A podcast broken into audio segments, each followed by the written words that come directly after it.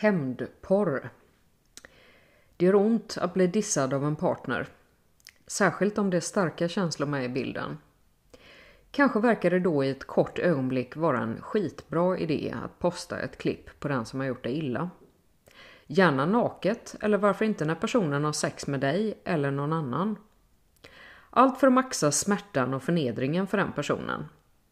Nu skrattar inte bara du utan också dina polare och även folk som ingen av er känner. För finns det på nätet finns det för alla. Den här typen av hämndporr är en riktigt dålig idé. Av flera anledningar. Ingen känsla varar för evigt. Det som känns som brinnande hat och förnedring kommer att övergå i de mer riktiga känslorna besvikelse och ledsamhet. Sorg över det man inte har eller faktiskt har förlorat. Det vet ingen annan som tittar och hon skrattar till klippet. Och det har du glömt när du trycker på sänd. Och den du hänger ut. Är det verkligen en person du hatar? För det är en akt av hat. Troligen kände du, eller kanske känner du fortfarande, en varmare känsla för den personen när inte hatet tar över.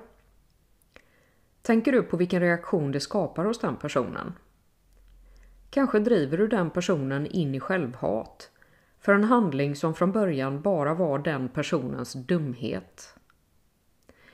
Glöm inte heller att på nätet kommer det alltid att finnas och när du har tryckt på sänd har du skapat en reaktion som du inte kan radera. I de flesta fall är det en bättre lösning att prata med personen när hatet har lagt sig. Så snälla, låt bli att trycka sänd.